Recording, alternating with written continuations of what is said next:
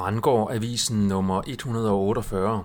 Frihedsbrevet er ikke så frit, og WHO er ikke så sundt.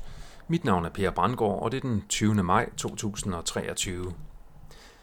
Der er noget lusket ved frihedsbrevet, ligesom WHO heller ikke er, hvad de udgiver sig for at være.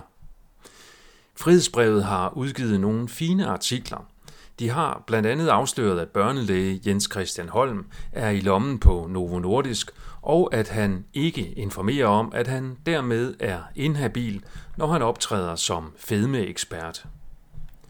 Der er dog tilsyneladende en grænse for den systemkritiske frihed hos frihedsbrevet. I en ny artikel af Flemming Rose med titlen Propaganda virker ikke som du tror, får læserne serveret et fuldstændigt forkvaklet billede af, hvad propaganda er og hvordan det virker. Flemming Rose er nu også chefredaktør på Frihedsbrevet. Det var ham, der som kulturredaktør på Jyllandsposten startede Mohammed-krisen i sin tid. Han har således selv spillet hovedrollen i et globalt propagandaprojekt, som han måske selv har opfattet som en kamp for ytringsfrihed, men det er netop sådan propaganda virker i den virkelige verden. Den gemmer sig bag edle formål. Den nye artikel af Flemming Rose omfatter også et unuanceret brug af propagandakonstruktionen konspirationsteori. Flemming Rose er tilknyttet tænketanken Cato Institute, der uddeler Milton Friedman Award, opkaldt efter den jødiske økonom Milton Friedman. I ledelsen af frihedsbrevet finder vi også en Hofmeier, ligesom redaktionen omfatter en Goldsmith, men det kan selvfølgelig være helt tilfældigt. Vi kan også se på frihedsbrevets regnskab, at de opererer med et underskud på omkring 9 millioner kroner om året. Det betyder, at journalisterne er afhængige af velgørenhed fra de rige mænd, der ejer mediet. Et ægte frit medie kan ikke operere med så stort økonomisk underskud. Et ægte frit medie vokser i takt med indtægterne fra abonnementer og annoncer. Fordelen ved annoncer i stedet for en ejerkreds af rigmænd er, at læserne ikke er i tvivl om, hvad der er forsøg på påvirkning og hvad der er forsøg på journalistik.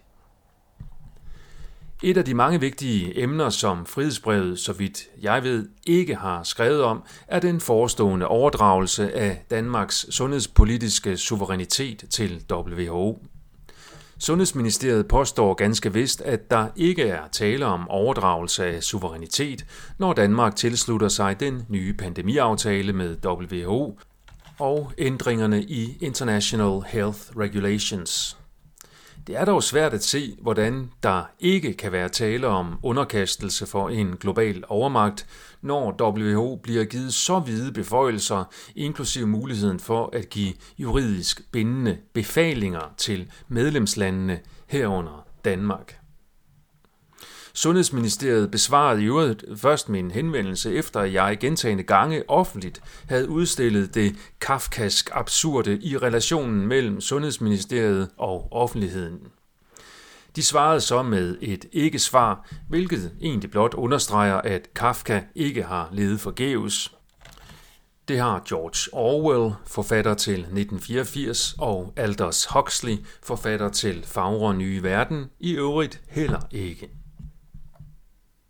Jeg er svært ved at se, hvorfor WHO-aftalen ikke skal til folkeafstemning, når EF-EU var til folkeafstemning med masser af tilhørende offentlig debat.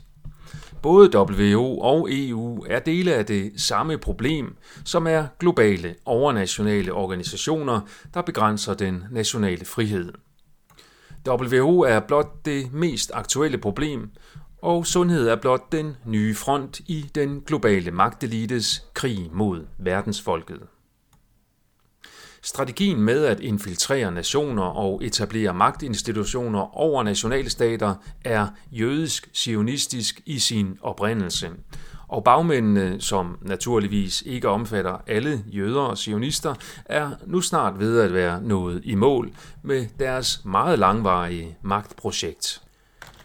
Jesus var den første, der gjorde opmærksom på problemet, og det er vores etiske pligt som kristne at fortsætte det vigtige, spirituelt motiverede oplysningsarbejde nu i slutfasen. Og med åbne arme tage imod den korsfæstelse, det medfører, mens vi elsker vores fjender og gør godt mod dem, der gør os ondt.